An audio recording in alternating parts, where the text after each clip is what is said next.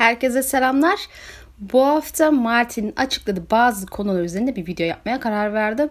2019'da dizi bittikten sonra Entertainment Weekly muhabiri James Hubbard'ın diziyle ilgili yaptığı diziyle ilgili bir kitap yayımladı. A Fire Cannot Kill a Dragon yani ateş bir ejderhayı öldüremez. E, kitap Türkçe'ye çevrilmedi ve ben de kitabı edinmedim ama Reddit'te kitabı okuyanlar Asyaf okuyucuların ilgisini çekecek önemli kısım hakkında bir bilgi paylaşımı yaptı. Ben de bu kısımları okumayan, duymayan varsa diye sizinle paylaşmak ve kendi yorum ve düşüncelerimi de yanında konuşmak istedim. Martin'in Dan ve David'e kitapla ilgili verdiği bu bazı bilgilerin sonraki kitaplar için spoiler içereceğini unutmayın. Şimdiden uyarayım. Ağırlıkta Asyof açıklama üzerine durmaya çalışacağım ama bir ucu illaki Game of Thrones dizisi ile de e, bağlantılı olacak. Hatta bununla ilgili birkaç e, aklından bilgiyi de paylaşmayı düşünüyorum. Hoşunuza gidebilir diye. İlk konumuz Hodor. Şimdi Hodor'un 6. sezonda trajik ölümü çoğu kişi için can yakıcı acıklı sahnelerden biriydi. Özellikle arkadaki o çalan hüzünlü Stark müziği eşliğinde. Elbette kitaplarda olacak şeylerin daha karanlık ve acıklı olacağını öngörülü söylenmişti zaten Martin tarafından. James'e göre Hodor'un arka planı daha ilk kitap yazılırken Martin tarafından tasarlanmış. Yani bu da Hodor'un hikaye ve olay kurgusunun e, ilk tasarlanan fikirler arasında olduğunu gösteriyor. Muhtemelen mektuba yazılmayan ayrıntılardan biri olabilir bu. Martin bu ve birkaç şeyi 3. sezon ya da 3. sezondan sonra bir Santa Fe'de bir araya geldikleri Dan ve David'e aktarmış. Elbette Dan ve David'in kitapla ilgili öğrendiği her şeyi dizide kullanmadığını, e, sonuna ilgili kitaplarda hala sürpriz etkinin barındırdığını açıkladıklarını unutmamak gerekiyor. E zaten hikaye genel olarak öyle bir şekilde evrim geçirdi ki isteseler bile işleyemeyecekler hale sokmuşlardır. Hodor ve Bran meselesi için yazar şunları söylemiş. Birinin zihnine girmek müstehcenliktir. Dolayısıyla Bran Hodor'un zihnine o kadar güçlü bir şekilde girmesinden dolayı zaman içinde geriye doğru dalgalanmasından dolayı sorumlu olabilir. Bran'ın güçlerin açıklaması tüm zaman ve nedensellik soruları geçmişi etkileyebilir miyiz? Zaman sadece tek yöne yerken açabileceğimiz bir nehir mi yoksa içine düştüğünüz her yerden etkilenebileceğiniz bir okyanus mu? Bunlar kitapta keşfetmek istediğim konular ama bir dizide açıklamak daha zor. Sanırım Bran gelecekten geçmişe müdahale ediyor diye düşünen arkadaşlarımız için Martin'in bu yorumu fikirlerini güçlendirmek için kullanılabilir. Şimdi devam edelim. Bran'ı canlandıran Isaac, Bran'ın Hodor'a yaptığını bencilce olarak yorumluyor. Hodor'u oynayan Christian da durumu inanılmaz derece üzücü olarak nitelendirmiş. Sonunda Hodor hakkında bir şeyler öğrendiğin an onu öldürüyorlar demiş. Eh Hodor. Pekala bu Hodor sahnesi kitaplarda nasıl olacak? Martin sahnenin elbette ki diziden biraz daha farklı olacağını söylemiş. Sahneyi çok iyi uyguladıklarını düşündüm ama kitapta biraz farklı olacak. Hodor'un gücünü kullanarak kapıyı tut sahnesi çok fizikseldi. Kitapta Hodor eski kılıçlardan birini mahzenden çaldı. Bran Hodor'u workluyor ve vücuduyla talim yapıyor çünkü Bran kılıç oyunu konusunda eğitilmişti. Bu yüzden Hodor'a kapıyı tut demek daha çok bu geçici tut gibi düşmanlar geldiğinde onu savun şeklinde olacak ve Hodor savaşıyor ve onları öldürüyor. Biraz farklı ama temelde aynı fikir. Aslında bu olay diziden gerçekten çok farklı olacak görünüyor. Evet Hodor temelde gene düşmana karşı savaş verecek ama açıklamayı iyi okursak aslında çok büyük fark var. E bu yorumları biraz da diğer kullanıcının yorumlarından faydalanarak da yaptım belirtmek isterim. Dikkat ederseniz dizide Hodor kendini biri isteye feda ediyor gözüküyor ama kitaplarda gerçekleşecek bu sahne belli ki Bran'ın Hodor'a bir seçenek sunmaması şeklinde cereyan edecek. Yani Hodor kendini feda etmeyecek. Bran tarafından worklanarak Bran tarafından veda, feda edilecek. Elbette bu süre zarfında da belli ki de dizide gördüğümüz Hold the Door meselesinin nasıl Hodor'a dönüşünü de göreceğiz.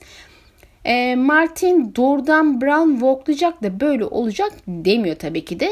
Ama açıklamanın altında yatar renk bu gibi. Hodor yarım akıllı ve sadece güç kullanmasını biliyor. Kendisi ile dalga geçildiğini dahi anlayamayacak biri ona kılıç dövüşü öğretmenin temelde mümkün olmadığı aşikar bence.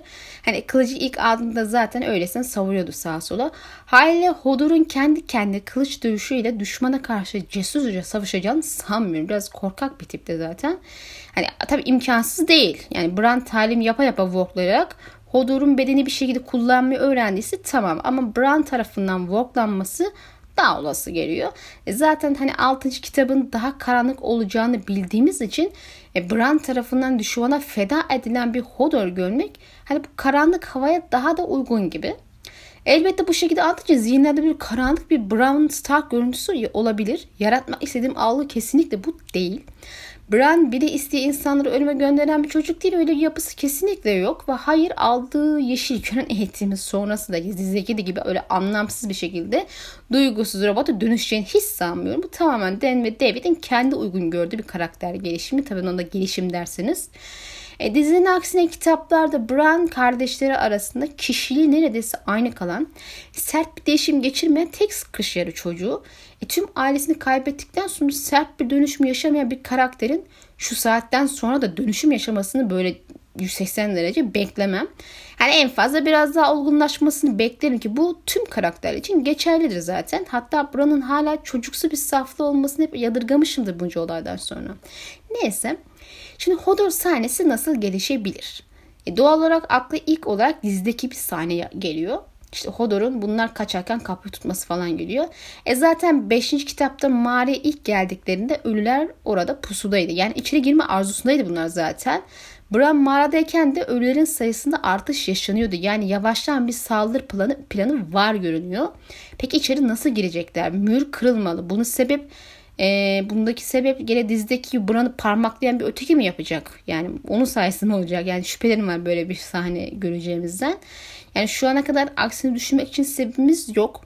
Dizdeki gibi zihinler dışarıda böyle hayat gibi dolanmıyor. Yani hani büyet ağacının gözüyle görüyorsun her şeyi. Elbette kan kuzunu güçlerini kullanmayı öğrendiğinde ağaçların da ötesini görmeye başlayacağını söylemişti. Yani gördükleri ağaçları ağaçların gördükleriyle sınırlı olmaktan çıkacak demek bu. Yine de bunun hayalet gibi dolanmayla olacağından ciddi şüphelerim de var. Koma rüyasında bildiğimiz uçuyordu ve karga sayesinde ağaçların ötesini görmüştü. İşte mesela aşağıya kadar gittiydi. Yine de öyle olduğunu farz edelim. E, karşıda dizideki gibi bir gece kralı yok. Belki bu sefer artık ötekilerin liderini de görürüz. Hani onlar hakkında daha fazla şeyler göreceğimizi söylemiştim Martin eğer yanlış hatırlamıyorsam. E bu da ancak Bran sahneleri ile mümkün görünüyor.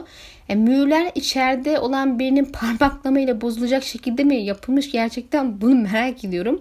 Hani bu sorulara net cevap vermek şu aşamada çok güç ama bu kadar basit olacağını da zannetmiyorum. Hani olsaydı bence binlerce yıl önce göçertirlerdi soru. Yani sırf gecenin kralı e, hikayesiyle bile bu iş halledilirdi. Haliyle mühür böyle kırılamaz kanımca. Elbette mağaradaki mühür surdaki mühür ile aynı da olmayabilir. E, ötekiler kış borusunu bulduğu mağara ile ilk deneyimi yapacak desek belki. Gerçi ben bu borunun şu an Sam ile beraber olduğunu düşünüyorum ama belli de olmaz tabi. Yani neticede öyle veya böyle mağaranın mühürü bir şekilde kırılacak gözüküyor. Aklıma doğal olarak hemen mağaranın kendisi geliyor. Eğer kafamda yanlış kalmadıysa mağaranın bir arka kapısı çıkışı falan yok. Yani tek bir yerden girip çıkabiliyorsunuz. Hani eğer bir sürpriz arka kapı daha sonra keşfedilmeyecekse kitapta ya da ya da gösterilmeyecekse haliyle oradan giren düşmanlardan kaçmaları gerekiyor ve çıkmak için yine girdikleri yere gitmeleri gerekiyor. Ya bu da benim biraz kafamı kurcalıyor elbette. Yani sanırım mağara içinde ciddi bir saklanmaç, kovalamaca karışımı sahneler görebiliriz kitapta. Hani zaten bir sürü oda var ve başka bölümler var mağaranın. Temelde mümkün yani.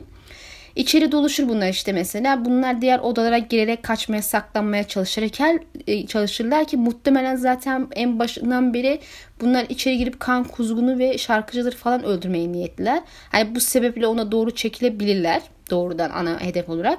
E, Bram diğerleri de işte bu sırada çıkışa kaçar. Tahminen Jojo'nun da bu saldı sırasında bir yerde ölecek herhalde. Yani o öleceğim dediği an o anlardan biri olabilir. İşte sonra bunlar arkasından takip eder ve kaçabilmek için de Bran Hodor'u Walk'lar hani ve bir şövalye misali dövüşmeye başlar. Hani biliyorsunuz şövalye olup masumları korumak, muhafız falan olmak istiyordu.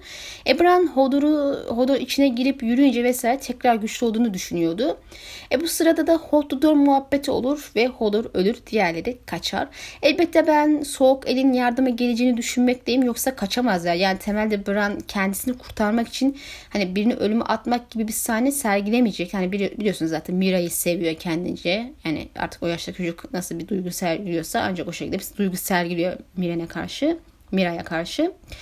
Yani herkesi koruma ve kurtarmak için savaşmak isteyecektir. İşte Hodor da bu yüzden kullanacaktır diye düşünüyorum. Sonra da artık bir şekilde süre ulaşırlar. Oradan da kış yerine gelirler. Benim kafamdaki senaryo kabaca bu şekilde. Neden bilmem Martin'in yaverlerinden Elio da Bran'ın bu hep beraber hep böyle mağarada ağaçla bütün, ağaçla bütünleşmiş halde kalacağını falan düşmüş galiba zamanında. Ya oradayken çocuk nasıl yardım edebilir ki bilmiyorum yani. Salın şu çocuğu mağaradan artık ya.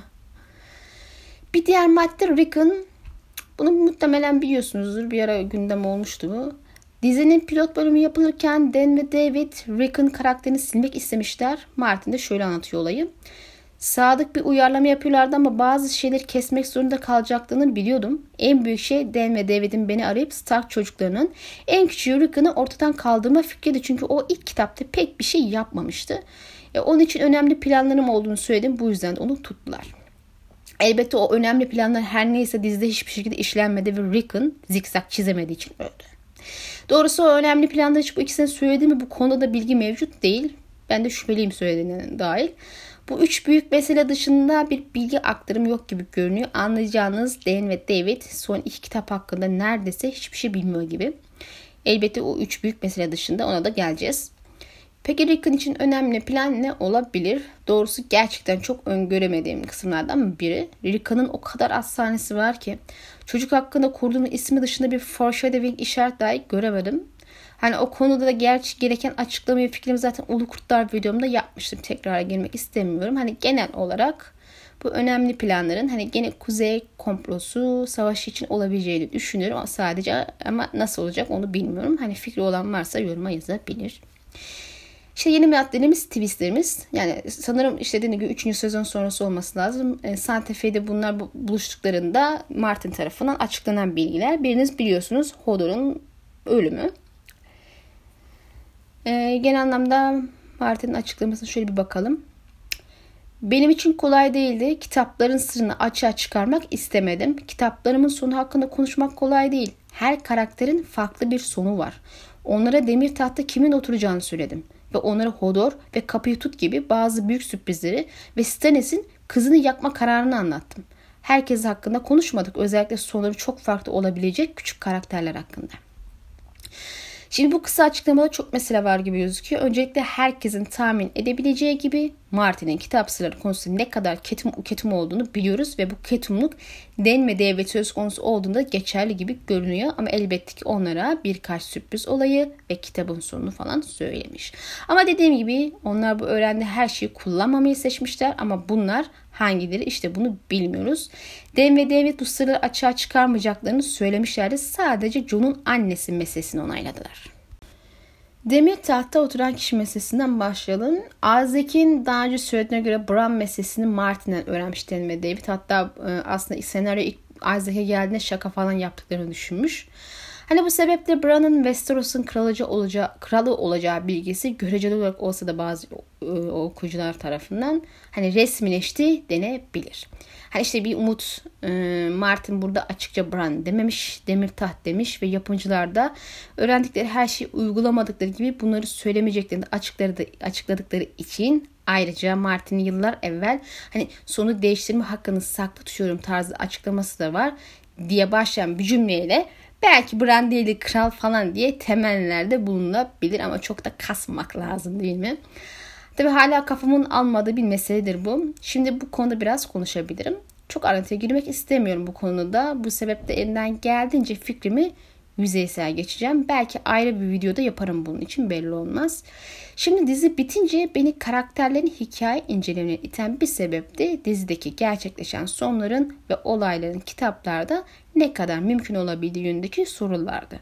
Bran en merak ettiğim konulardan biri de doğal olarak onun bölümlerini okurken sürekli olarak gözlerim onun Westeros kralı olacağına dair işaretler göndermeler aradı. Yani kasıt olarak povlarını kaz, povlarında bir kazı çalışması yapmaya çalıştım diyebilirim. Lakin buranın en fazla işte kuzey mirasını devralabileceğine dair bir hikaye altyapısını gördüğüm gibi buranın şarkıcıların falan kralı olabileceğine dair tat göndermesi ve benzer şeylerden işaretler gördüm. Çok fazla değildi ama vardı. E netice olarak gördüğüm hiçbir şey Westeros kralı olmasına yönelik değildi. Zaten Westeros hatta Essos'un hikayelerin genel, yapısına ve toplumun sosyo-kültürel yapısına baktığımızda hem çocuk kral ve çocuk lordlara karşı kötü gözle bakıyorlar. Bilhassa bu son olaylardan sonra hem de böyle büyücülük ve benzeri şeylerle işaretlenmiş her türlü figür kötü adam olarak işaretleniyor. İşte mesela örneğin kan kuzu bunlardan biridir. E, Melisandre ve inancı zaten Westeros'ta dini hoşgörüyü baltalayan ve toplumu anarşize eden bir tetikleme yarattı. Martin daha kötüye gideceğini söyledi. Hani bu yönden zaten bir olumsuzluk söz konusu gene. Yani Brand'a bir kuzey ilanı tapan e, bir kuzeyli yani. E, Jon'a bile walk diye ölümü hak ediyor diyen bir Jano Sletler gördü bu gözler değil mi? Ve George'un da zaten Bran'a ne olduğunu öğrendikleri zaman sana şunu bunu diyecekler diye kötü sıfatlar sayarak ondan korkacaklarını falan söylemişti. Yani surun ilerisinde bile bu Walk, yeşil görenler vesaire korkulan bir tür ve birlikte yaşamak istemiyor insanlar bunlarla. Ama sur gerisinde de öldürülüyorlar, öldürülüyorlarmış bunlar. Ya bu bilgiyi de Varami bölümünden öğrendik. Bir de üstüne Bran sakat bir çocuk. Şu an en fazla 10 yaşında. Hani hikaye bittiğinde de taş çatlasın 11 olacaktır. Hani ona nasıl bakıldığını hepiniz gördük e, kitaplarda sakat diye. Yani neresinden bakarsak bakalım. Hadi kuzey halk, halkını geçtim onu boş ver. Ama güney halkı için her şekilde dezavantajlı bir kral adayı kendisi. Haliyle bu insanların 10-11 yaşındaki sakat ve kuzey ilahlarına tapan vahşi gördükleri bir kuzeyliği, büyücü bir kuzeyliği isteyisi kral falan seçmezler. E bunun daha ötesi Demir Adalar ve Dorn gibi bölgeler geçmişten bu yana bağımsızlık ve isyan terimleriyle öne çıkmış bölgeler. Yani Dorn çıkıp da ben ejderhalarla evlendim, onlara bile diz çökmedim. Ne diye biz dururken kuzeyli bir vahşi sakat bebeği kral seçim demeyecek mi? Yahut Demir Adalılar benzer sözler etmeyecek mi? Onlar durur da 6-7 kitap boyunca tat ve güç için savaşan diğer tüm bu bölgeler ve haneler eyvallah mı diyecek? Yani bırakın Bran gibi bir çocuğu bacakları sağlam bir yetişkin dahi olsaydı Bran seçmezlerdi. Ben ben ben der bu adamlar ki şu anda diyorlar. Hadi desek ki Westeros tekrar 7 krallığa ayrılacak o zaman tamam bakın. Bran kuzey tahtına geçer. Hikaye altyapısı vs hepsi uygun. Her şeyden evvel Ned Stark'ın yaşayan en büyük oğlu olacak. Yasalara göre kuzey mirası zaten Bran'a ait. John babadan değil anneden Stark olduğu için sıralamada daha geride kalıyor. Böyle olacaksa hiç itirazım olmaz. Olur var çünkü. En azından hikaye örgüsü uyumlu olur ve kafama da oturur. Neticede hikayeyi nasıl geliştireceği Martin'e kalmış bir şey. Onun zevki bu. Tercih farklı dahi olsa ben sadece sırıtan, çelişen, alakasız ve çelişkili noktalara tepki gösteririm ancak. Elbette Martin demir tahta oturacak kişiyi söyledim dediği için krallığın bölünmesi mevzu bahis görülmemekte gibi şu an. Hali durum anlamsız görünüyor benim için hala. Yani netice itibariyle o da kendi oluşturduğu evrenin kurallarına ve hikaye örgüsüne uymak mecburiyetinde. Çok istediği halde hikaye gidişatını bozdu ve gitmesi gereken yere gitmediği için Tyrion'u 5. kitaptaki çok sevdiği, beğendiği bir sahnesini çıkarmak zorunda kalmıştı. 5 e yıllık atlamadan vazgeçince çok beğendiği Cersei ve Dany paralel sahnelerini de çıkarmak zorunda kalmıştı. E bunun gibi daha nice vazgeçtiği sahneler falan mevcut zaten. E bu da yazar olarak sadık kaldığı bir son varsa o sona ulaşmasına engel olacak her şeyden vazgeçmesi gerektiğini ve hikayeyi o sona götürecek olay örgüleri ve altyapıları hazırlaması gerektiğini gösteriyor. Beni iyi kötü biliyorsunuzdur zaten. Hikaye yaklaşım ayrıca bir yazar kafasındadır. Yani nasıl yazılır, nasıl yazılması gerekir vesaire şeklinde. E şu ana kadar da ben bu yönde bir şey maalesef göremedim. Elbette ki tekrar bakacağım. Hani olur ya gözümden kaçmıştır ama görene de helal olsun sırrını bize açıklasın. Martin'in yaverleri dahi bu olaya şaşırmışlardı ve kitaplarda bu konuda bir foreshadowing falan olmadığını söylemişlerdi. Hani öne sürülen birkaç argümanın da gayet de zayıf olduğunu dile getirdiler. Öyle. Yine de iki kitap daha var. Hani belki bir altyapı atabilir. Ama yani beş kitap boyunca ne karakter gelişimi ne hikaye altyapısı atmayıp son iki kitapta atmaya kalkmak da bilmiyorum. Pek yaptığı bir şey değildir Martin ama hani kitabın sonunu okumak nasip olursa artık bu işin nasıl olacağını göreceğiz inşallah. Bran'dan sonra Stannis'in kızını yakmaya karar vermesi meselesine geçelim ki bu da benim Bran'dan sonraki işte en çok kafamı karıştıran kısımlardan biri. E Stannis hayranları bu konuda bayağı özgünler eminim. Stannis hayranı olmadığım halde benim için de biraz hayal kırıklığı oldu bu mesele. Hani kendisine sempatim ve saygım vardır. Ve 6. kitapta ben ölürsem kızımı tatta oturtmak için savaşacaksın diye bir adamın diyen bir adamın kızını yakmaya karar verme noktasına nasıl evrileceğini gerçekten merak ediyorum. Yani benim kafamda bu kızın ölümü gri hastalık ve yamalı yüzün dahil olduğu bir olay çerçevesinde gerçekleşiyordu. Aslında dizideki gibi kızını yakmayacağından da çok emindim. Ama işte her şeyden emin olmamak lazımmış. Böyle sonra dumur olup kalıyoruz. Elbette bu da kafama oturmayan meseleden biri dediğim gibi bu Stannis ve Kuzey hikayesi konusunda çok uzun konuşacağım. Hazırlıklı olun inşallah kafa karıştırıcı olmaz. Ya biliyorsunuz bir şey uzun konuşunca oraya buraya şuraya giriyorum. Biraz dağıtabiliyorum konuyu. Şimdi Stannis'in bu savaşını kazanacağı meselesinde 3 aşağı 5 yukarı hayran olarak hem fikiriz. Theon Ramsay'in liderlik edeceğinin emin olsa da ben geleceğini zannetmiyorum. Onunla ve onsuz fark etmiyor. Stannis'in gelen birliklere karşı zafer kazanacağını düşünmekteyim. Aklımda yanlış kalmadıysa zaten Rose ilk baş aşama Frey ve Mander'le birliklerini gönderdi. Hani Freyler kış koşullarında Stannis'ten daha iyi savaşamazlar. Onlar da yabancı bir kuzeyde. E bir tek Mander'le birlikleri üstün ama karşıdaki karşıda da kuzeyler olduğu gibi e zaten kuzey komplosu gereği Mander'ler ordusu e, Stannis ile isteksiz bir şekilde dövüşecektir bence. En azından öyle olmasını beklerim. Yani netice itibariyle bu kısmı kazanacaktır. Martin sonunda ona küçük de olsa bir zafer verecektir. Lakin bu savaşın kazanmak demek kuzey mücadelesinden galip çıkmak demek değildir. Çoğu okuyucu bu, bu savaşını kazanınca doğrudan Winterfell eline düşecek sanıyor. Böyle bir şey yok. Bu savaşın mücadelenin sadece bir kısmı. Buradan hemen bir parantez açmak istiyorum. Bir bilgi vereceğim hemen. 3 ay önce bir Reddit kullanıcısı paylaşmıştı. Şimdi bu savaş aslında 5. kitap Ejderhaların Dansı'nda yer alacaktı. Yani biz bunu okuyacaktık kitapta ama kitap haddinden fazla uzayınca birçok seferde yaptığı gibi bunu da kitaptan çıkarmak ve Kış Rüzgarları'nın kitabının açılışına falan eklemiş zorunda kalmış. Yani John'a pembe mektup geldiğinde gerçekten de bu savaş çoktan olmuş ve bitmiş ve eklenmiş olsaydı sonu değil belki ama başlangıcındaki falan kesinlikle okuyacaktık. Hala yüksekte ihtimal mektubun gerçeklik konusunda şüphe etmezdik. Elbette John'un danstaki sonu içinde bu pembe mektuptaki Arya etkini şarttı. Haliyle mektup her şekilde devreye sokulmak zorundaydı. Muhtemelen zaten bütün bölümleri yazmıştı bile Martin. Yaptığı tek şey bu savaşı sahne kaldırmak oldu. Yani muhtemelen bu da aşağı ve Theon bölümleri demek. Yani netice olarak Stannis bu savaşı ya kazanacak ya da kaybedecek ve ben ve birçok okuyucu kazanacağını düşünüyor.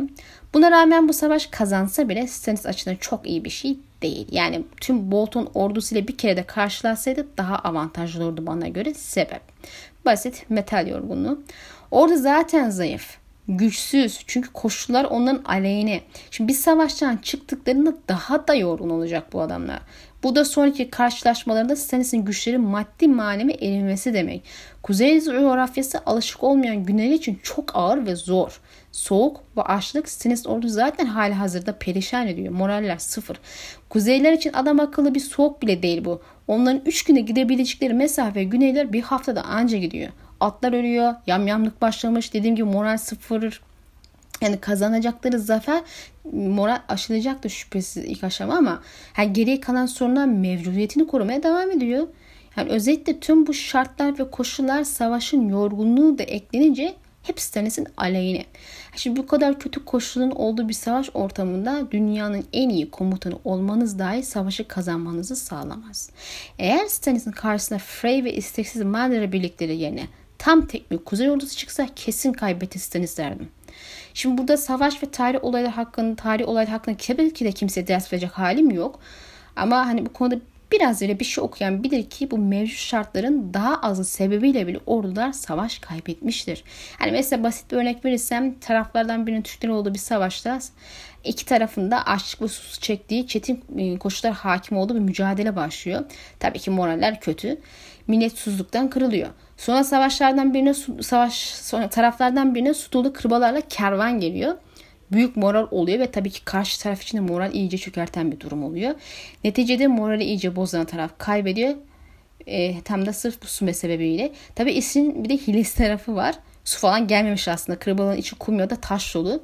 Ama bunu birliklerin komutanları dışında kimse bilmiyor. Yani bir su meselesini yarattığı farkı görüyorsunuz değil mi? Eğer Martin gerçekçi yazacaksa o zaman buna göre yazması gerekiyor. O da gerçekçi yazdığını iddia eden biri. E bu sebeple Stannis'in bu savaşını kazansa bile kış yarı savaşını kaybedeceğini düşünüyorum. Zaten üstüne bir de meydan savaşından ziyade muhtemelen bir kuşatma savaşı olacak ve bu Stannis'in güçleri için daha beter bu durum. Hani arada bir huruç saldırısı falan yaparak e, Bolton birlikleri kırmaya falan çalışır, ima eder. Yani mevcut şartlarda en mantıklı zaten bu olurdu. Elbette Stannis salak falan değil. Yani bir hileyle kışlarını ele geçirmeyi düşünebilir geçireceğini düşünebiliriz. Mez muhtemelen hala kalede eğer mektup sahteyse gizleniyordur içeride. Yine de tek başına kalenin kapısını açabileceğini zannetmem. Yine de bir hile ile kalenin alınmasını kesinlikle imkansız değil. Çok mümkün. En azından Stannis'in buna niyetlendiğinden emin olabiliriz. Elbette hile için uygun şart ve ortam varsa. Şimdi Mez ve mızrak karaları, karaları içeri girdiğinde Theon'dan kaleye nasıl sızdığını ve ele geçirdiğini öğrenmek istediler. Yüksekte ihtimal Stannis'in ele geçirmesi için bir yol arıyorlardı. Sonuçta Melisandre'nin Mace'in hayatını sadece Arya'yı kurtarmak için bağışladığını düşünemeyiz. Theon bunun sadece şans eseri olduğunu, eğer o şartlar olmasaydı bunun mümkün olmayacağını, hatta benzer bir hilenin Stannis için mümkün olmayacağını söylemişti kendi içinden tabii. Çünkü Ruz ve Kale şu an tam tekmin taarruz durumunda ve gözlerini dört açmış durumdalar. Her türlü saldırı bekliyorlar. Yani buna rağmen Ruz'un Harrenhal'a esir asker sokması gibi durumlar olabilir. Stannis'e benzer bir esir asker sokma işi yapabilir yani. E, Jack'ın oyunu videomu hatırlarsanız orada bunu nasıl yaptığını anlatmıştım. Stannis'in bunun için yapması gereken tek şey hani bence en kolayı Mander'la ile birlikte ittifak yapması. Elbette bunun da kendi içinde bazı soruları var. Roose ve Ramsey esir askerleri görünce Stannis'in kaybettiğini düşünecek ama Stannis nerede? Canlı veya cansız görmek isterler. E, kaleyi içeriden ele geçirmek için kaç tane asker gerekir? Ruz'un asker e, as, Ruz'un asker esir almak için bir sebebi olur mu? Yani neden hiç onları içeri soksun? Şahsen ben olsam hepsini öldürmesini emri verirdim. Çünkü şu şartlarda kendi ordumu bile zor doyururken gereksiz boğazları doyuracak halim yok. Bir de şöyle bir olasılık var. Bu savaşı sırasında Stannis'in taktiği geri hani büvet ağacını yakacağı, yakacağı düşünülüyor. Eğer bu hatayı yaparsa kendi birlikte içerisindeki kuzeyliler bile onun oyun boyun dinlemez Stannis'i terk eder. Yani bariz dinlerine saldırıdır bu. Kimse böyle şeyler affetmez. E bunun dışında hani kalenin içinde aslında zaten Truva atı var. Hani kuzey komplosunu göz ardı etmemek gerekir bu aşamada. Martin Truva atını çok evvelden soktu içeriye. Umber, Rod Manderley ve hatta yüksek ihtimalle Lady Dustin bile Truva atı. Daha fazlası da olabilir. E kışlarına Truva atı sokulmuş iken yani sokmuş iken Martin neden başka bir Truva atını soksun ki? Komple ne oldu o zaman? Bir de aklıma Rose'un kurnazlığı geliyor. Bu herif salak falan değil. Bunu aksini düşünen yoktur herhalde.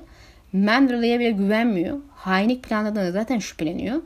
Kendi oğluna dahi güvenmeyen birinin başkalarına sırtını dönecek kadar salak olmasını bekleyemeyiz. Rose Hornall'ı nasıl ele geçirdiğini bilmiyor mu? Freyli'nin alayı ölmüşken Stannis'in cesedi ortada yokken sadece Mander'la birlikleri bir miktar Stannis askeri, askerini esir almış gelmişken işkillen, işkillenmeyecek mi bu adam? Geri mı bu adam? Kendi yedi haltın aynısının yapılacağını düşünemiyor mu? Stannis tertip kurma peşindeyken Roose da Stannis'e tuzaklar kurma peşindeydi zaten. En az iki tanesini biliyoruz. İlki Dehşet Kalesi'ndeydi. John kurtardı Stannis'i bu tuzaktan. Diğeri Karstark idi. Alice haber verdi John'a ama Stannis nasıl öğrendi tam bilmiyoruz tabii şimdilik. Yani bir üçüncü hatta dördüncü tuzak olmadığı ne malum. Yani Rose kolayca kandırılacak bir adam değil onu demeye getiriyorum. Hatta Rose bir ihtimal gönderdi birliklerin Stannis'e karşı zafer kazanma ihtimalinin düşük olduğunu dahi düşünüyor olabilir.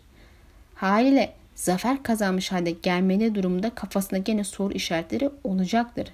Yani zaten e, onları ilk aşama gönderme sebebi içerideki o kızışmayı önlemek içindi. Biliyorsunuz ikisi bir, iki taraf birbirine girmişti Manderly ile Frey ile.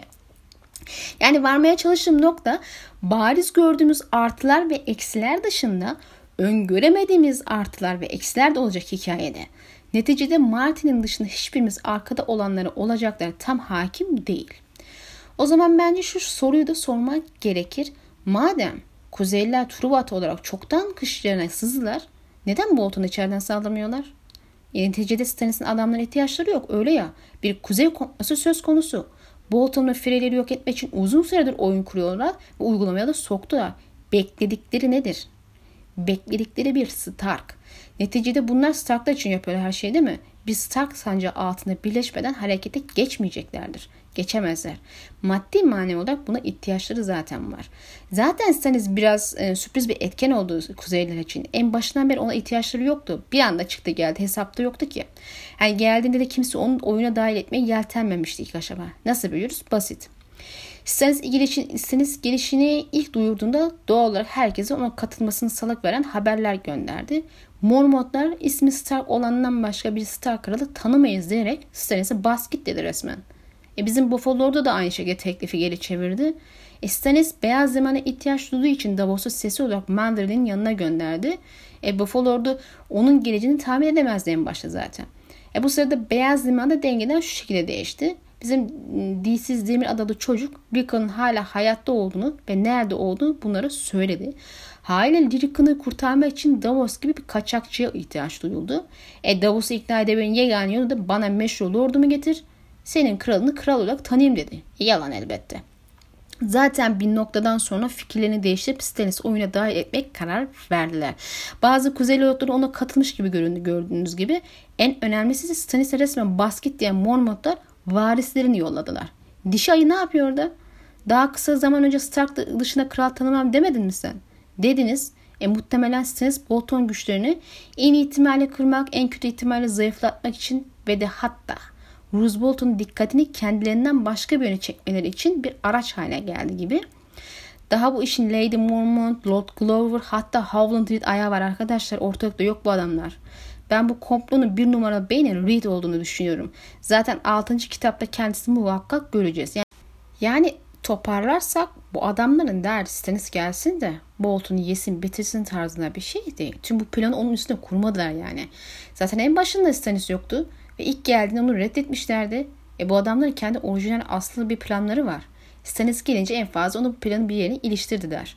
Asıl plan hani kabaca bence ilk aşama işte Stark'ları ortaya çıkartmak, sancağı altına birleşmek ve sonra tuzağı harekete geçirmek. Yani Truva atı bu zaman devreye girecek. John ve Stark'lar devreye girip kapılara dayandığında. E nitekim Stannis gittikten sonra Flint gibi dağ lordlarından ikisi sura geliyor ve Jon bu adamların düğün ve benzer bir şey için gelmediğinden çok emin ama sebebini çözemiyor. Oraya John için geldiler. Onu gözlemlemek ve tartmak için ve zamanı geldiğinde de muhtemelen tacını alması için. Yani Reed'in kendisi bizzat sura gelirse bunun için şaşırmam. İnşallah gelir.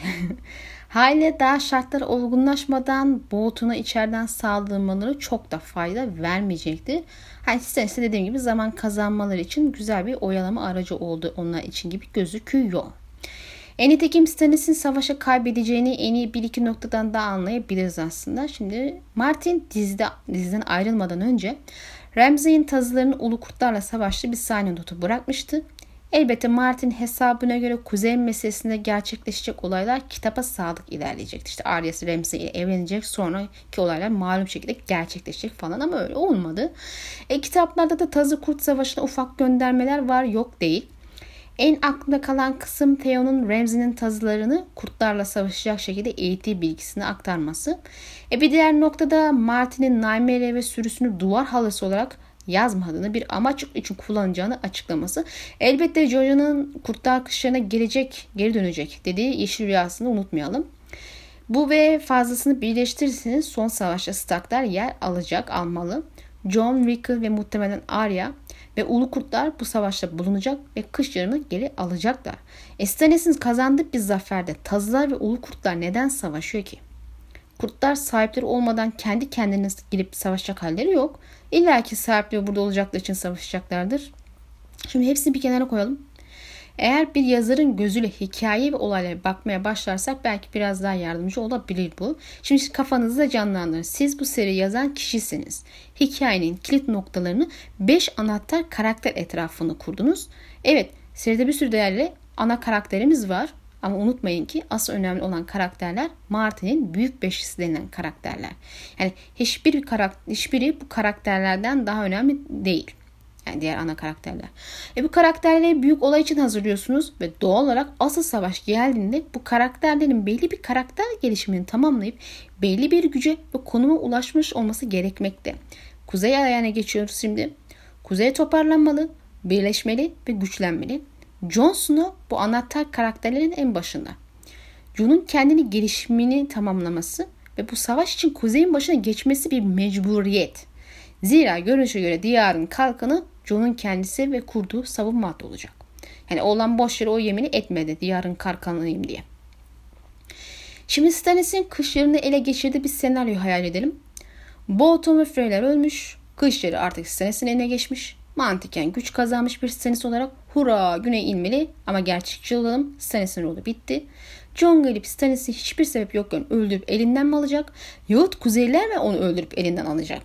Bu ve benzeri herhangi bir senaryoda Jon Snow'un karakter gelişimi her açıdan bir darbe yer. Çünkü Jon'un başrol karakter olarak ön plana çıkması, kuzeyi ve kuzeyleri ardını alacak, saygısını kazanacak ve itaatini sağlayacak bazı başarılar elde etmesi lazım. Yani John nasıl ki yabanlıların saygısını ve sevgisini kazandı, kazanacak geri kalanını ve işte itaatini kazanacak bir şekilde bunun için bir şeyler yaptı. Öne çıktı bu yönde. Aynı şey şimdi kuzeyler için yapmak zorunda. Yoksa kuzeyler üstüne tam hakimiyet sağlayamaz. Stannis eninde sonunda ölmeye mahkum bir başka taht adayı. E dikkat ettiyseniz taht için kapışan herkes sonunda öldü ya da ölecek gözüküyor. Yani demir taht kanat doymuyor. E dediğim gibi eğer Stannis kışlarını alırsa o zaman mantıken Kuzeylilerin kralı olması ve her birini arkasını alarak güneye inmesi beklenir. Yani başrol Stannis değil neden bir yazılır böyle bir şey yapasınız. O zaman kaybetmesini sağlarsınız. E kaldı ki daha güneyden gelip de kuzeyde hakimiyet sağlamaya başarmış, ele geçirmiş kimse yok. Hepsi ölüme mahkum insanlar. Yani kuzeyin böyle bir de geçmişi var.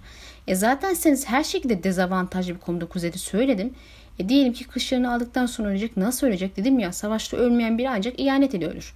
Yani kuzeyler Bolton hariç böyle insanlar değildir yani. En fazla haydi naşla şimdi derler.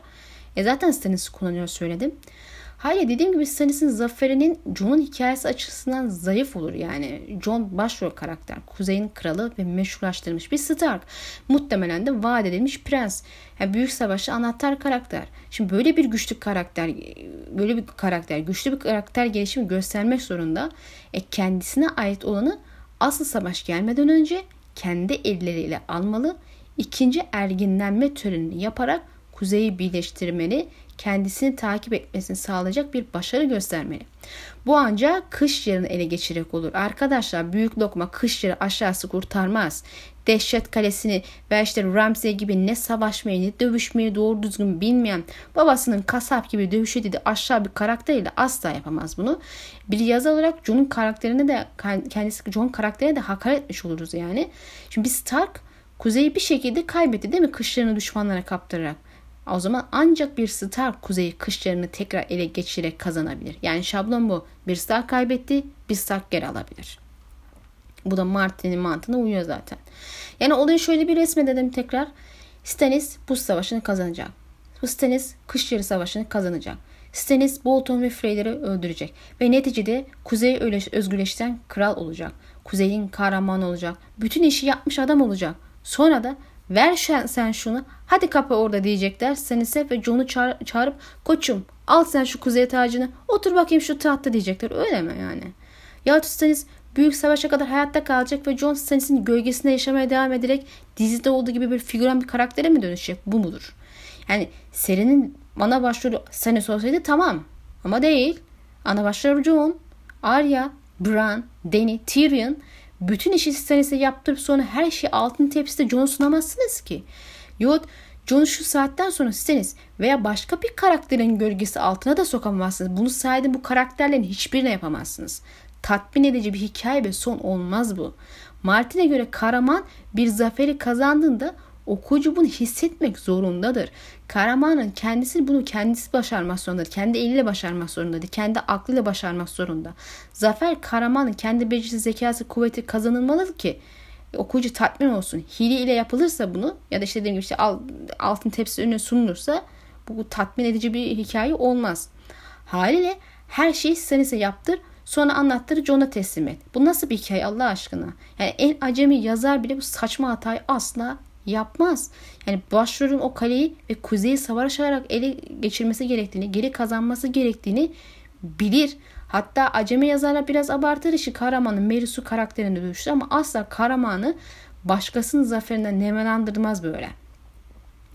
Yani Buz ve Ateş'in şarkısı serisi Stannis'e yapılan haksızlıklar üzerine kurulmuş bir hikaye de değil arkadaşlar. Yani Stannis önemli bir karakterdir. değerli bir karakterdir. Varlığı hikaye güzellik katan bir karakterdir. Ama netice itibariyle onun da belirli bir yeri ve rolü vardır.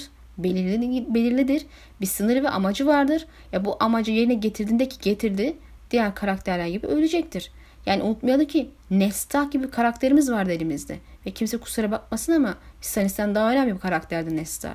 Onun başarmasını arzu ettiğimiz ve umduğumuz çok şey vardı ama tak diye hiçbir şey emeline, hiçbir emene ulaşamadan öldürdü. Daha sonra Rob devreye gidip Hate Bey babasının oğlu savaşı kazanacak, intikamlarını alacak, Lannister'lara gününü gösterecek dedik. Tak kızıl düğünüyle şok geçirdik. Oberyn Martell geldi karşımıza karizmaya bak dedik. Tyrion'un kellesini kurtaracak dedik. Kafası karpuz gibi patladı ya. Şimdi bazı okuyucular arkadaşlar hak ettiyseniz hak ettiği tüm zaferleri kazanacak ama sonra çocuğun elinden şeker ala gibi ezeklenecek geri alacaklar John'a verecekler diye mi düşünüyor? Yani özünde çizdikleri resim buna işaret ediyor çünkü. Elbette ki böyle bir saçma bir şey olmayacak. Hisseniz kaybetmek zorunda. Böylece John ve diğer Starklar gelip bileklerini hakkıyla kendilerine ait olanı ele geçirmek zorunda. Tahtına geçip kuzey hükmedip büyük savaşa ve fazlasını hazırlanmak zorunda. Haliyle Stannis ve kızını yakma meselesine değinirsek. Bu nasıl olacak? İşte kafamda bir senaryo var ama bu senaryoda açıkçası içime tam sinmeyen ve tam oturmayan şeyler var.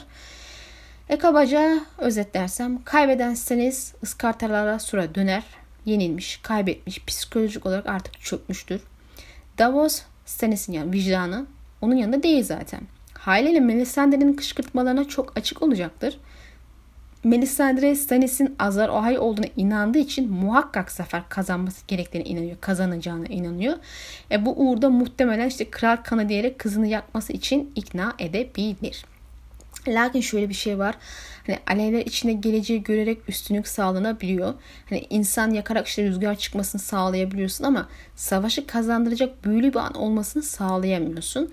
Hani belki taştan ejderhaları uyandırmak ve bununla zafer kazanacağını düşündüğü için bu işi yapması gerektiği konusunda ikna edilebilir. Yani kendi özyeğini kurban etmeye hazırdı. Ama vicdanı da sızlıyordu. Davos oraya girdi. Bu işi kotardı ama artık Davos yok. E yine de kızını yakma karar alacak kadar psikolojik olarak çökebilir mi? Stannis için sık sık demir deniyordu. Bükülmeden önce kırılırmış. John Cat için de aynı şeyi söylemişti ve o da kırıldı psikolojik olarak gördük. Hani belki de Stannis de gerçekten kırılabilir. Yani neticede işin ucunda diyar var işte büyük savaşta zafer kazanmak zorundayız gazıyla düştüğü durumdan kurtarmak için kurtulmak için bunu yapabilir. Hani Üstad Aemon da Stannis'ten daha iyi adamların daha kötü şeyler yaptığını söylemişti zaten. Genelde okuyucular onun kardeşi Ek'ten bahsettiğini düşünür. Hani Summerall'da ailesinden birini ejderhalar için kurban etmek istediği düşünülüyor. E madem bu kehanetlere takıntı herkesin bir şekilde dengesini bozuyor sonunda raydan çıkartıyor. E Stannis'in bundan muaf olması için de bir sebep yok madem öyle. Hani kafamda takılı olan bir diğer kısım ise John'un buna asla izin vermeyeceği ortada iken ondan habersiz nasıl olacak veya onun rağmen nasıl olacak? Hani Stannis ilk geldiğinde gece kalesine geçecekti. Tamiri yapılıyordu. Orası da tüm uğursuz olayların olduğu uğursuz bir yer zaten. Belki döndüğünde doğrudan oraya yerleştirir John ve neticede orada bu işe kalkışabilir. E John bunu öğrendiğinde öfkelenip kaleye basabilir ve Stannis bizzat kendi eliyle bile öldürebilir bu durumda.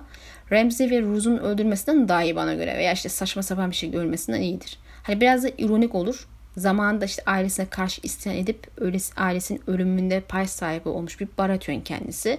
Hani mantıken John meşhur bir Targaryen ise onun açısından baktığımızda tahtını gasp etmek isteyen biri.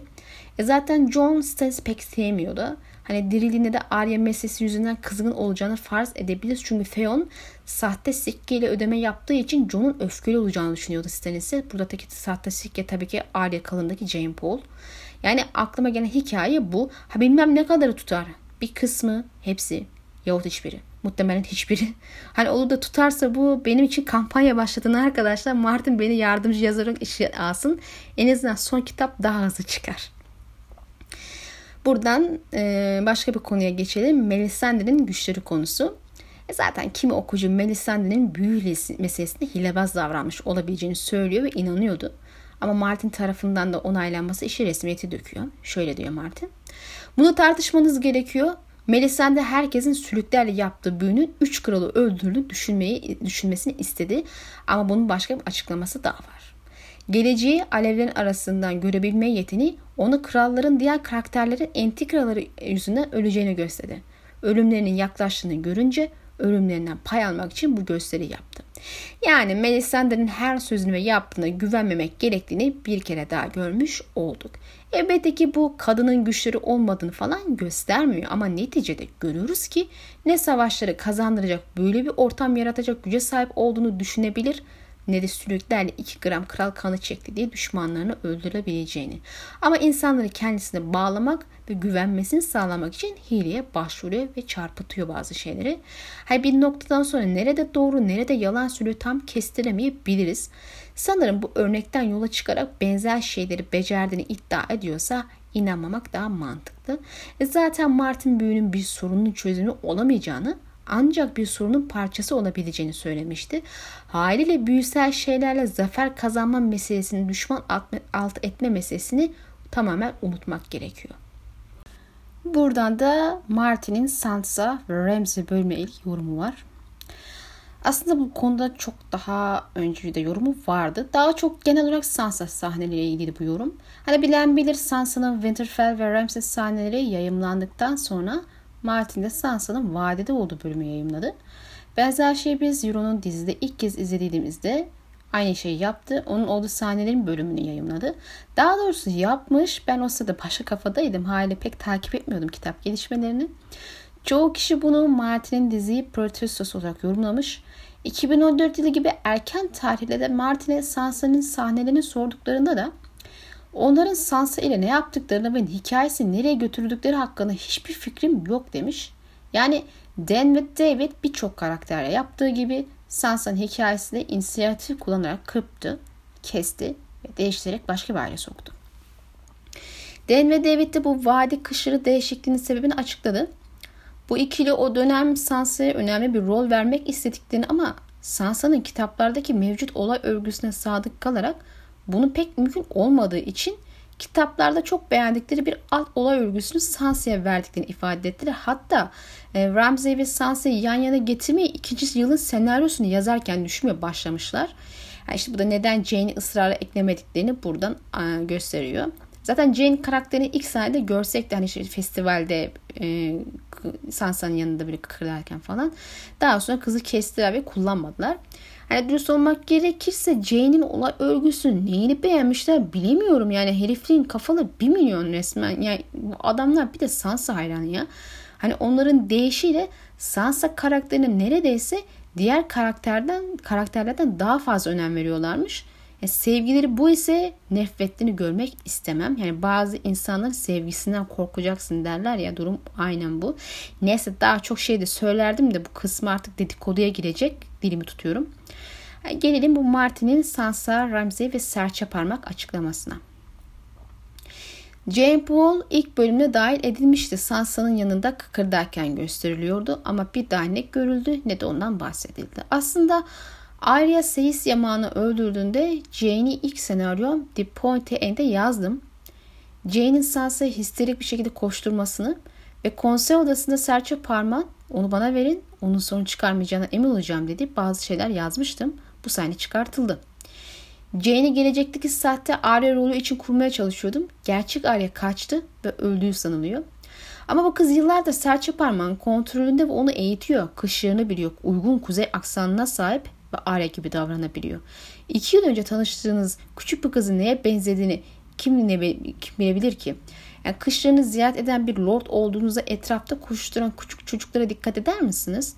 Böylece bu kimliğe bürünebilir. Jane olmadığı için Sansa'yı kullandılar. Bu daha mı iyi yoksa daha mı kötü? Kararınızı orada verebilirsiniz. İşin garip tarafı kitapta bunun için hiç tepki almadım. Çünkü kimse Jane Paul'u o kadar umursamadı. Sansa'yı önemsiyorlar. E benim serçe parmağım Sansa'yı asla Ramsay'e teslim etmezdi. Asla. Ona takıntılı. Çoğu zaman onu hiç o sahip olmadığı kızı olduğu düşünüyor. Eğer Catelyn ile evlenseydi sahip olmayı dilediği kızı. Ve çoğu zaman onun Catelyn olduğunu düşünüyor ve onu kendisi için istiyor. Onu ona kötü şeyler yapacak birini asla vermez. Bu kitaplarda çok farklı olacak. Yani gördüğünüz gibi Martin çok şey söylemiş duymasını bilene. Burada bir Jane Paul eleştirisi de yapmış. Daha önceki bir videoda bahsetmiştim. Kimse Jane Paul'a şey yapmıyor diye. Ee, Zaten Martin daha önce serçe parmağın Sansa'ya olan takıntısının hem güzelliğinden hem de işte Kate'in kızı olmasından kaynaklı olduğunu ifade etmişti. Burada biraz daha içini açmış bu olayı. Benim için en dikkat çekici nokta benim serçe parmağım ifadesi. Doğru Martin'in serçe parmağı, Martin'in Sansa'sı veya işte Arya'sı, Jon'u ve Deniz'i ve Tyrion'u. Dizidekiler ise Dan ve David'in karakterleri, hikayesi ve olay örgüsü. Martin bile bu ayrımı kendi içinde yapıyor ki böyle süreçlerde cümlelerine döküyor. Bence yazar diziyi kendi hikayesi olarak görmüyordur artık. Çünkü karakterler bile onun karakterleri olmaktan çok uzak.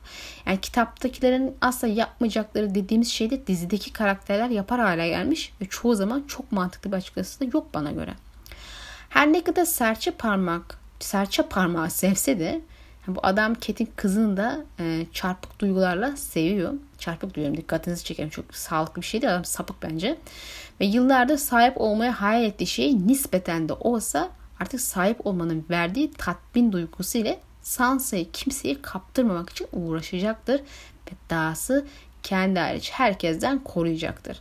Ona zarar vermek isteyecek kimselere müsaade etmeyecektir.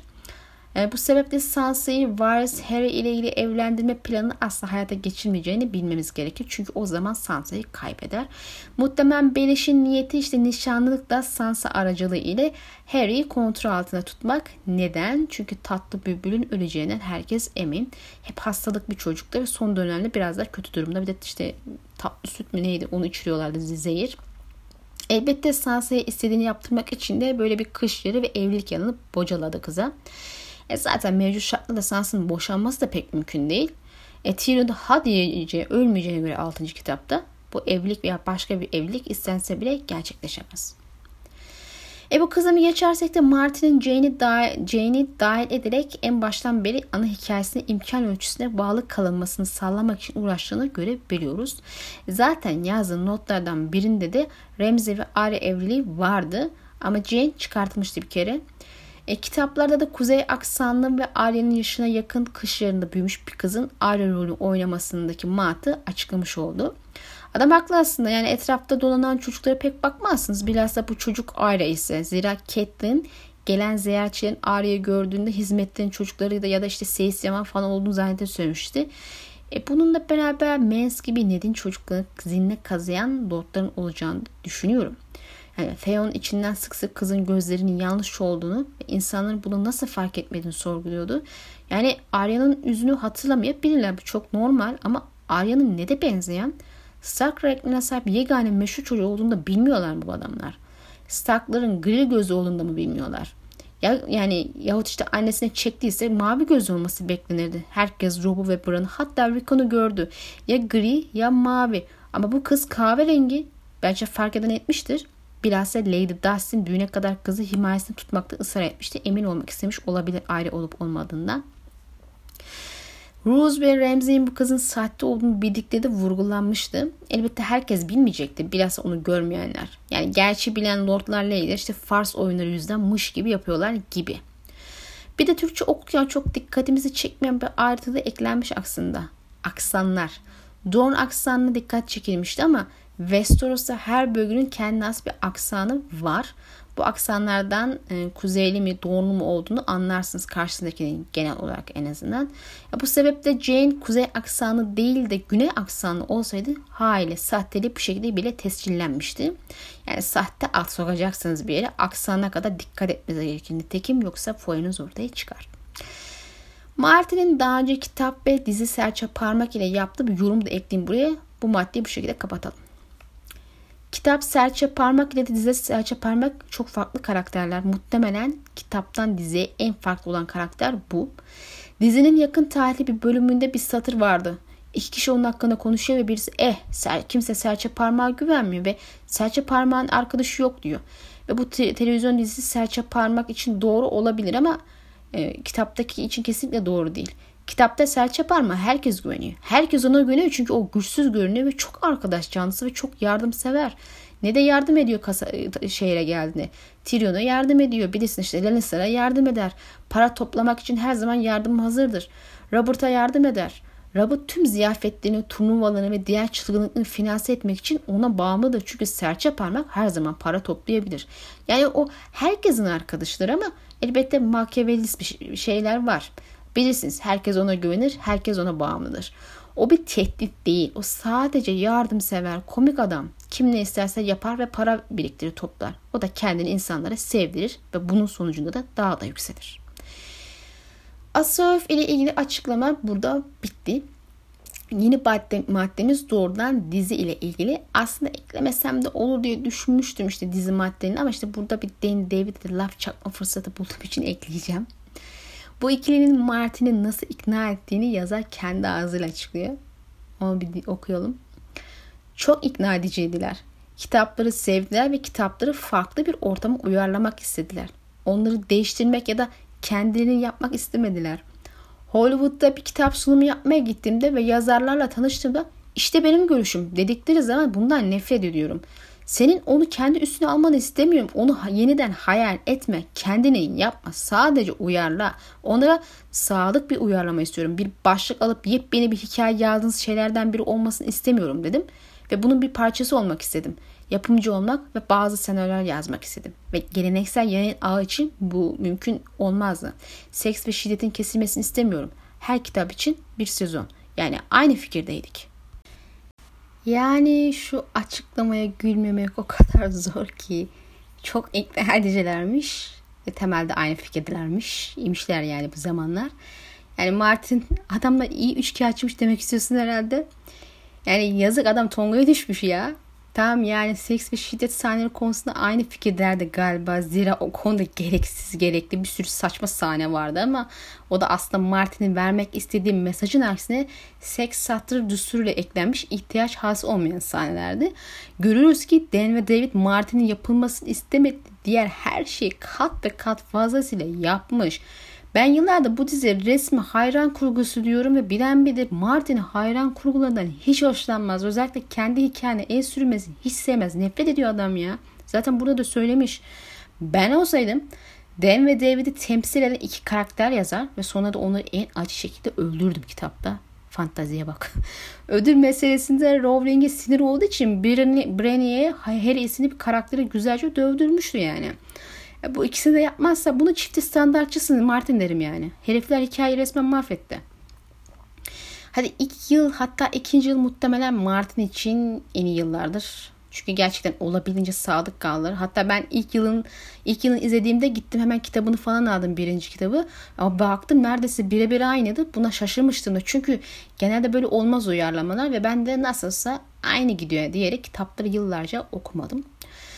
Asoyev çok geniş kadrolu bir hikaye. Bir sürü karakter ve olay örgüsü var. Televizyonda bunların bazısını ister istemez kesmeniz gerekiyor. Elinizde değildir zaten. Bu da X sonuca ulaşmak için sizin aradaki yolu kesmeniz ve sıçrayarak bir şekilde farklı ve çok kısa bir yol yaratarak oraya ulaşmanız gerektiğini gösteriyor. Bu anlaşılabilir ve gereklidir. Zaten dizi eleştirenleri gördüm de ya olacak bu kadarı. Eksiklerde olan neden bu kadar ağır eleştiri anlamıyorum demiştim o zamanlar. Sonra kitapları okudum ve zaman içerisinde anlamaya başladım. İlk aşama gerekli olduğu için el mecbur sahne ve karakterler keserlerken bir noktadan sonra iş keyfiyete dönüyor. Zaman yok diye eklemedikleri olaylar ve karakterlerin karşısında gereksiz seks sahneleri gördük. Rob'un karısını değiştirmeler işte gördüğünüz gibi Sansa ve aile sahnelerine yaptıkları ve çok daha fazlası. Dahası hikaye kendi içinde de gitgide daha yüzeysel ve mantık hataları ile doldu. Hangi birini sayabilirim emin değilim o kadar çok ki yani.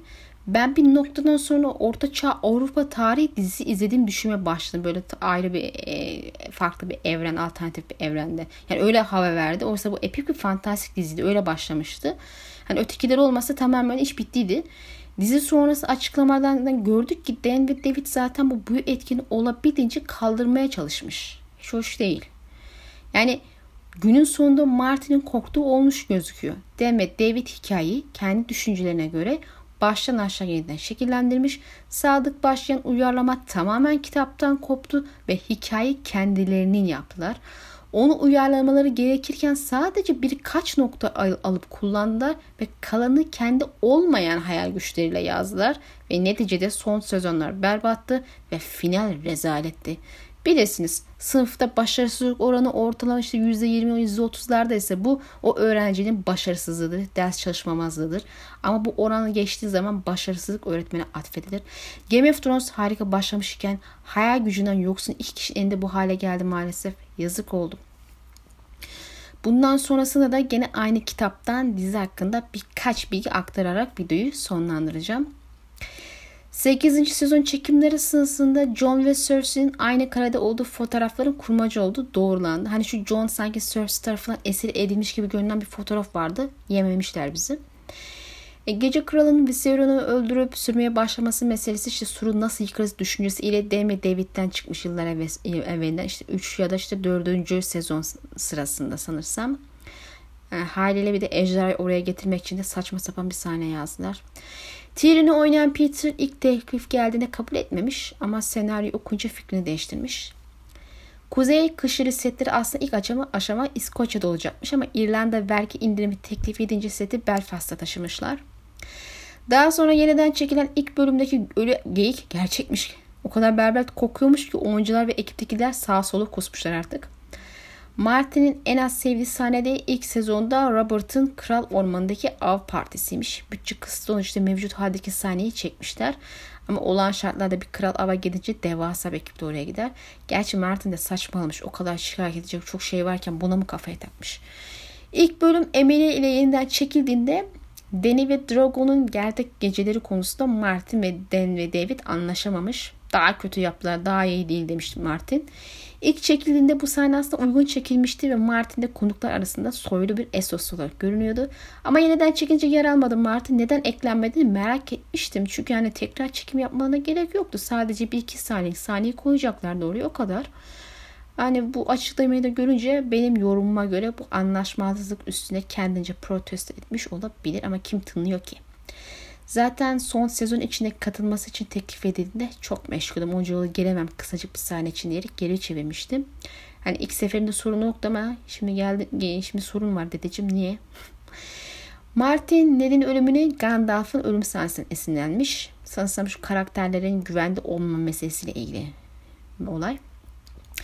Ee, sanırım Dan ve David oyuncuda şaka yapmayı da çok seviyormuş. Sık sık yapıyormuş. Verilen örneklerden biri de e, Alfie onun telaffuzuyla bilmiyormuş. İşte Theon oynayan çocuk.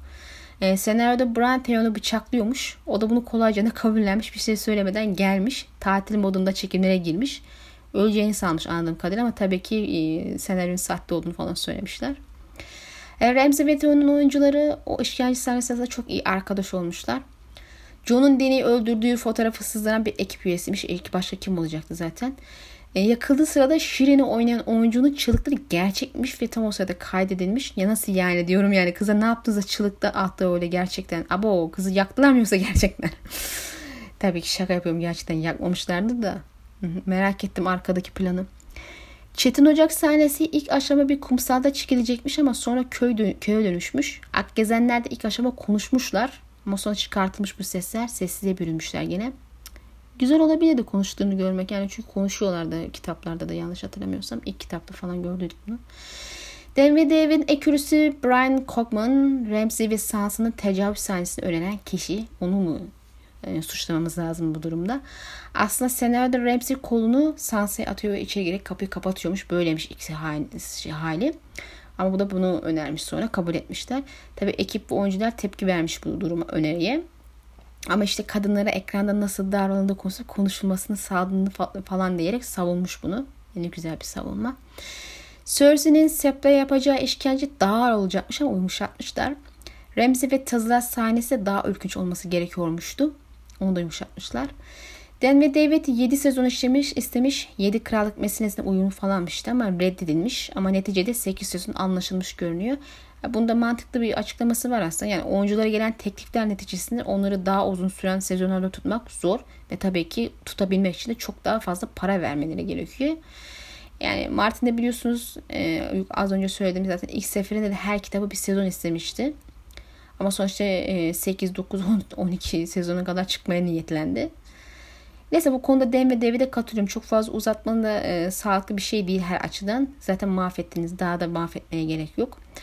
Varys ve serçe parmağı yeniden bir araya getirmeyi denemişler ama Varys kışlarına gelmeden önce Beliş ölmeliymişti. E, açıkçası ben bu ikisini gerçekten bir arada görmeyi çok isterdim. Yani kitaplarda da görürüz inşallah. Görmezsem üzülürüm.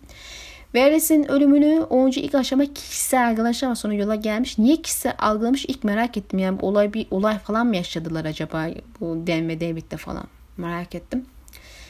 Zaten senaryo okumalarında da böyle surat falan aslında izleyen hatırlıyordur. Final sezonunda iki savaş sahnesi düşünmüş aslında. İlki gördüğümüz diğerleri ötekilerle yaşanan uzun gece savaşı. Diğeri de yaşayanların birbiriyle olan savaşıymış. Nasıl bir savaş yapacaklarmıştıysa. Bu buz örümcekleri eklemek istemişler ama eklemek zahmetliymiş. İlk planlamada Jorah hayatta kalıyor ve John ile Tormund ile beraber kuzeye gidiyormuştu. Ama sonra sonra e, Jorah konusunda fikrini de değiştirmişler. Brian Cockman'ın Jon'un kral yapılmamasına karşı bir savunması varmış. Bak savunmaya bakın Allah aşkına. Temel olarak Game of Thrones'un pusuda yatan gizli bir kralın olmadığını, Jon'un mirasının gece kralına karşı büyük savaşta ve taht için son savaşta büyük bir rol oynadığını söylemiş. Allah Allah biz başka bir dizi mi izledik ya? Jon'un mirasının gece kralına büyük savaşta ve taht için son savaşta ne gibi bir önemi değeri oldu acaba? Biri bana açıklayabilir mi? Yani taht savaşında köşede duran bir figürandı zaten. En önünde de böyle gri solucan böyle adamın adamın falan tarzı havasında gülüyordu. Kazanılmasına bir fayda sağlamadı yani. Hem Varys'in Dany'yi ayardan çıkarmasına katkı sağlaması için Jon'u tahta geçirmek istemesi ilgili becersizlik becerisiz çabasından bahsediliyorsa evet çok muazzam bir katkısı oldu canım. Gece Kralı peki yüzleşmedi bile ya. Bu herifin kafasındaki hikaye dizide bize sundukları hikaye bayağı farklı. Daha kötüsü bundan kendi kafalarındaki hikaye tam yansıttıklarını zannediyorlar anladığım kadarıyla. Neyse burada bitti. Aktarılan her şeyi de ekleme gereği duymadım aslında. Diğer şeylerle beraber İngilizce bağlantı adresini vereceğim. Hani isteyen olursa orada hepsine bakabilir. İnşallah videoyu beğenmişsinizdir. Bir sonraki hafta görüşmek dileğiyle. Allah'a emanet olun.